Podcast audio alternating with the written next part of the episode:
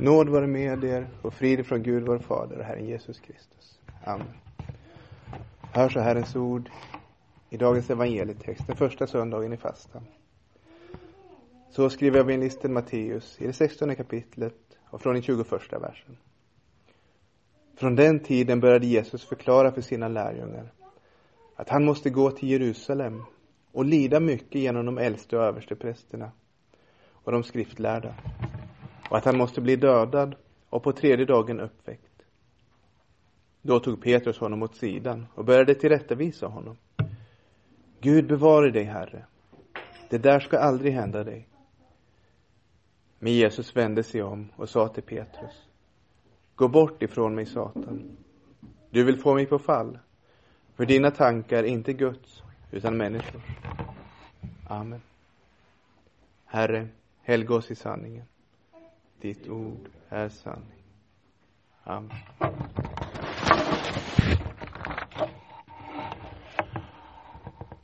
Men när vi talar om de goda nyheterna, om evangeliet, så är människans tankar motsatta Guds tankar. Evangelium är någonting Gud behöver övertyga oss om. Därför ser vi, om vi går tillbaka några verser före dagens text och så fortsätter vi att läsa och läser också dagens text. Då ser vi hur Petrus inom bara några verser både bekänner att Jesus är Guds son och förnekar det Jesus ska göra. Det ena har han fått uppenbarat från Gud. Det andra är människors tankar. Vi befinner oss i Caesarea Filippi. Och om man gör en bildsökning på Caesarea Filippi då kan man se att det är ett väldigt stenigt område. Marken är sten och det reser sig klippor upp ur marken. Och det är här som Petrus avger sin bekännelse. Jesus är Messias, den levande Gudens son. Och vi vet att den bekännelsen är klippan som kyrkan bygger på. Budskapet om Kristus skapar tro i människors hjärtan. Och tron på Kristus gör en människa till medlem i Kristi kyrka. När Petrus bekänner har Jesus därför sagt till honom Salig är du, Simon Jonas son. För det är inte kött och blod som har uppenbarat det för dig, utan min far i himlen. Ja, Simon har fått uppenbarat från Jesu fader i himlen att Jesus är Messias, den levande Gudens son. Och Jesus ger honom nu ett namn, det namn vi känner honom under. Ett namn som visar hans samhörighet med Kristus. Och jag säger dig, du är Petrus. Och på denna klippa ska jag bygga min församling. Och helvetets portar ska inte få makt över den. Petrus, ett grekiskt ord som kan stå för en stor sten eller en liten klippsten. Han hör ihop med Kristus och bekännelsen till Kristus som är själva klippan. Det är lätt att tänka sig hur lärjungarna i klippområdet såg sig omkring och både kunde känna klippgrunden under sig och samtidigt se mindre klippstenar resa sig upp ur marken. Petrus som bekännare har del i bekännelsen och får vila på den grunden. Han får stå som klippsten i klipplandskapet. Ja, Petrus har nu som språkrör för alla lärjungar bekänt vem Jesus är. Han är Guds son, den utlovade Messias. Och så kommer dagens text. Från den tiden började Jesus förklara för sina lärjungar att han måste gå till Jerusalem och lida mycket genom de äldste och översteprästerna och de skriftlärda och att han måste bli dödad och på tredje dagen uppväckt. Först när lärjungarna har förstått och klart bekänt vem Jesus är så börjar Jesus på riktigt undervisa dem om vad han ska göra. Och vi kan förstå att Jesus gör på det sättet. För det är svårt att ta till sig båda de här delarna på en gång. Det var svårt att ta till sig båda delarna en åt gången. Särskilt den här andra delen, att Jesus ska lida och dö. Det är ju svårt rent mänskligt. När det gäller en vän. Vi vill inte att någonting ska hända en vän. Något som skadar. Vi vill inte att en vän ska drabbas av lidande eller död. Det blir ännu svårare om vi tänker oss en hjälte som ska utföra ett uppdrag. Vi kan tänka oss presidenten i Ukraina. Om han skulle berätta för sina närmaste. Snart kommer jag att gripas av ryssarna och de kommer att döda mig. Den närmaste omgivningen skulle tolka det som att han har tappat hoppet. Att han i alla fall tillfälligtvis har fastnat i allt negativt han kan se och det han vet om den stora ryska övermakten. Hur stort förtroende medarbetarna än skulle ha för honom, hur mycket de än respekterade honom, så skulle de i den situationen försöka få honom på andra tankar. Särskilt om de har stor respekt för honom och ser upp till honom, så skulle de inte vilja att han föll i en sån modlöshet. Hur skulle man då reagera om Guds son sa att han måste lida mycket, bli dödad och sen uppväckt? Och kanske ungefär som lärjungarna. Att man inte riktigt hör den sista delen om att han ska bli uppväckt. Det som kommer innan, om att lida och dö. Det skulle vara mer än nog att ta in chockartat, nästan otänkbart. Vi kan se flera gånger i evangelierna när Jesus fortsätter att undervisa om sin död och sin uppståndelse att lärjungarna kan inte ta det till sig. Vi läser i nästa kapitel när Jesus fortsätter. Människosonen ska utlämnas i människors händer. De ska döda honom, men på tredje dagen ska han uppstå. Då blev de djupt bedrövade. Och Lukas berättar, när de är på väg upp mot Jerusalem. Jesus tog de tolv åt sidan och sa till dem, se vi går upp till Jerusalem och allt som är skrivet om Människosonen genom profeterna ska gå i uppfyllelse. Han ska utlämnas åt hedningarna och de ska håna och skymfa honom, spotta på honom, gissla honom och döda honom och på tredje dagen ska han uppstå. Men lärjungarna förstod ingenting av detta. Det var fördolt för dem och de fattade inte vad han menade. Och även efter att det uppfylls, efter korsfästelsen, så förstår lärjungarna inte. När Jesus har gripits och dömts, korsfästs, dött och blivit begraven, då sörjer lärjungarna. De förstår inte riktigt vad som har hänt. Inte förrän Jesus är hos dem och visar sina händer och fötter och de får röra vid honom och han äter tillsammans med dem. Då förstår de att han verkligen har uppstått. Och så förklarar Jesus igen att det var det här som skrifterna sa skulle hända honom.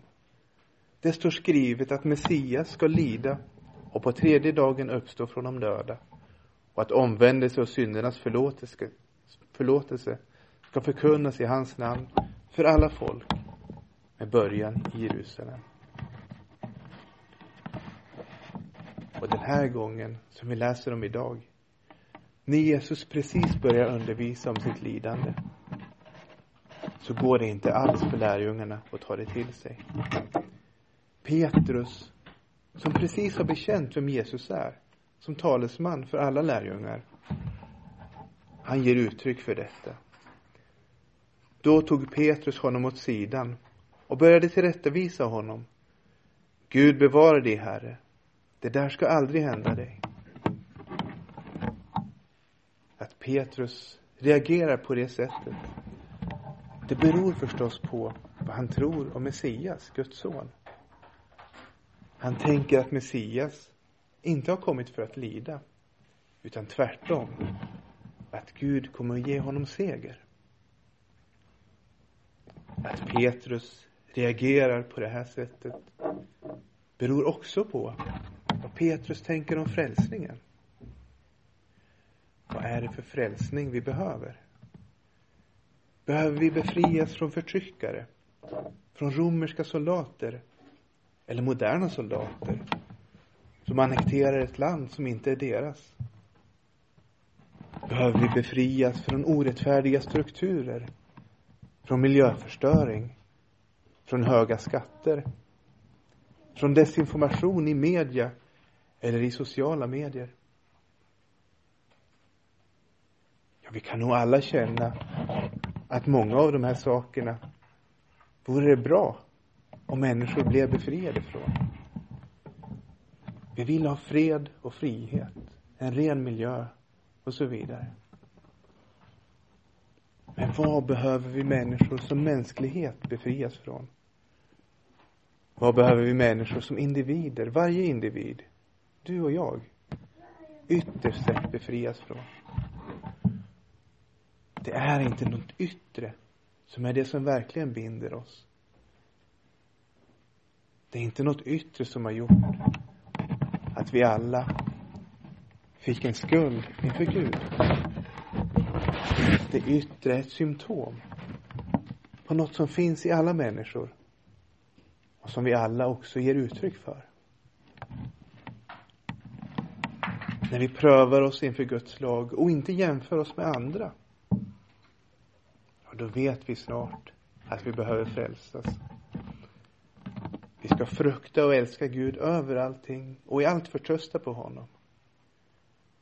Det är grunden om vi ska leva som Gud vill. Och jag ser då, när jag ser hur jag lever, att jag många gånger har brutit i tankar, ord och gärningar mot detta. Du ska älska din nästa som dig själv. Ja, vi ser ju också där att vi inte håller Guds lag. Och det är ju ett uttryck egentligen för att vi brister i relationen till Gud. Vi litar inte på Gud. Vi älskar inte honom över allting. Vi är inte som Gud säger att vi borde vara. Vi behöver frälsas, inte från yttre omständigheter, utan från vår egen synd. Och det innebär ju omvänt, att den som har blivit frälst är fri, även om han sitter i fängelse. Men hur blir jag frälst från min synd? Genom att Guds son kommer till världen, lever enligt Guds lag, gör gott, går till Jerusalem, låter sig gripas och plågas och dömas och dödas.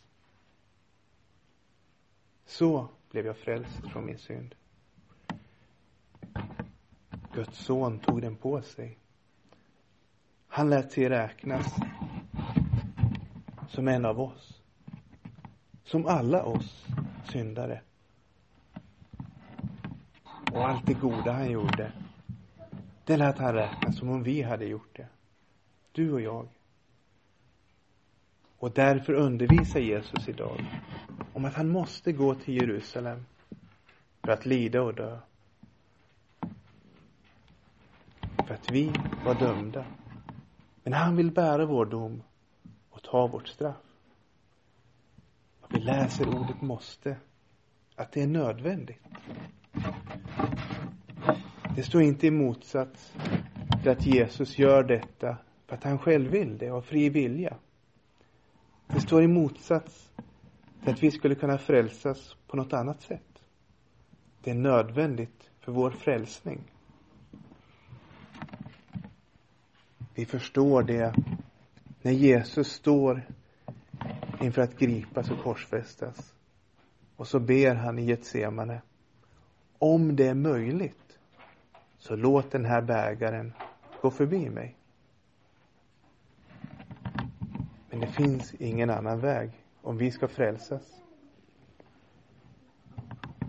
Det är nödvändigt och i den meningen måste Jesus gå till Jerusalem. Ja, i en mening är det inte vad Jesus vill. Om det fanns någon annan väg så skulle han önska den istället. Men eftersom han vill frälsa oss så är det också vad han vill. Han vill ge sitt liv för oss. Som han förklarar att han är den gode herden som ger sitt liv för fåren. Ingen tar det ifrån mig, utan jag ger det av fri vilja. Paulus kan senare bekänna och förklara varför Jesus gjorde detta. Guds son har älskat mig och utgett sig för mig. Men idag förstår lärjungarna inte detta. Petrus förstår inte det. Han ser inte meningen med det Jesus ska göra. Och så visar han det ifrån sig. Istället för att lyssna, fundera och fråga. Det Petrus säger blir då en frestelse för Jesus. Ett eko av djävulens röst i öknen. Att korset är inte nödvändigt. Att det kan gå bra ändå. Men Jesus vände sig om och sa till Petrus. Gå bort ifrån mig, Satan. Du vill få mig på fall. Satan vill inte att vi ska befrias från vår synd. Han vill att alla människor ska leva kvar i mörkrets välde utan förlåtelse. Han vill att alla människor ska dömas för sina synder och gå evigt förlorade. När Petrus säger orden vi hörde så blir han en talesman för Satan som försöker hindra människors frälsning. Men Jesus låter sig inte stoppas. Han visar bort frestelsen. Han avslöjar den och sätter ord på vad den är. Det är inte goda tankar, även om det låter gott, att slippa lidande och död. Det ser gott ut på ytan, men det leder till något betydligt värre. Evig fördömelse, lidande och död. När Jesus ska ta fördömelsen på sig. Han visar bort frestelsen och han tillrättavisar sin lärjunge och vän. Det är viktigt också för Petrus egen skull. Inte bara att Jesus dör för honom utan också att Petrus förstår varför Jesus dör. Att Petrus får nytta av det. Tror på det. Och sen också delar med sig till andra av vad Jesus har gjort för dem. När Jesus avslöjar vad som ligger bakom Petrus ord så talar han inte bara om en källa utan om två. Vi kan förstå att det är från Satan att hindra människors frälsning. Men Jesus fortsätter. För dina tankar är inte Guds, utan människors. Det Petrus ger uttryck för, det är hur vi människor tänker av naturen.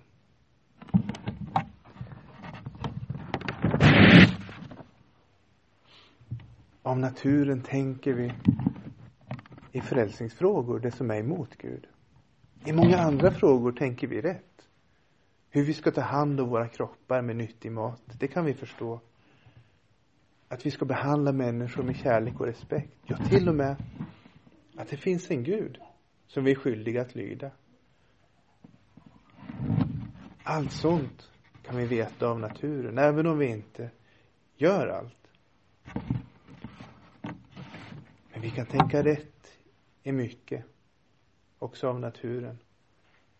Men när det kommer till vår frälsning så kan vi inte det.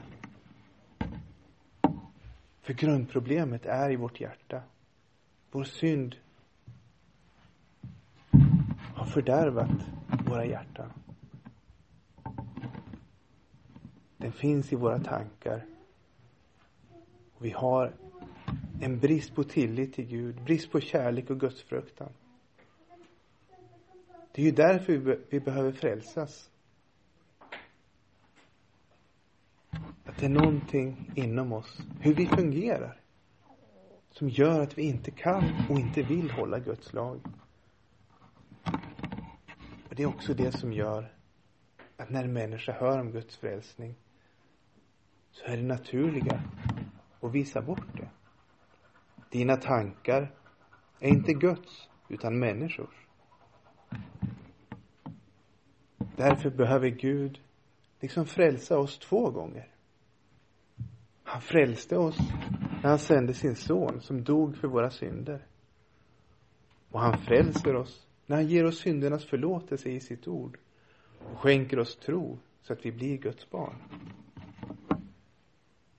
Därför bekänner vi med Luther i Lilla katekesen att vi inte kan tro av vårt eget förnuft eller komma till vår Herre Jesus Kristus av egen kraft. Utan hur går det till? Den helige Ande kallar oss genom evangelium. Den helige Ande upplyser oss, helgar oss och bevarar oss i den rätta tron. Genom evangelium.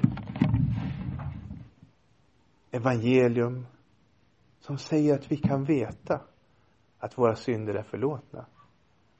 För Gud säger det i sitt ord. Vi kan veta att våra synder är förlåtna. För Guds egen son har lidit och dött i vårt ställe. Vi kan vara fullt vissa om att Gud har tagit emot Jesu offer i vårt ställe. För Jesu grav är tom. Det kan för en människa vara svårt att tro, både första och andra gången hon får höra det. Men Guds ord är levande. Om man lyssnar på det så kommer ordet att verka. Och det förändrar den människa som hör det. Så att den heliga ande liksom för ner Guds tankar i hjärtat. Så att vi tror och litar på vår frälsare så bevarar han också i tron genom samma ord. Han säger, mina tankar är inte era tankar. Och era vägar är inte mina vägar, säger Herren. Nej, liksom himlen är högre än jorden, så är mina, mina vägar högre än era vägar och mina tankar högre än era tankar. Liksom regnet och snön faller från himlen och inte återvänder dit utan vattnar jorden så att den blir fruktbar och grönskar och ger säd till att så och bröd till att äta. Så ska det vara med ordet som går ut från min mun.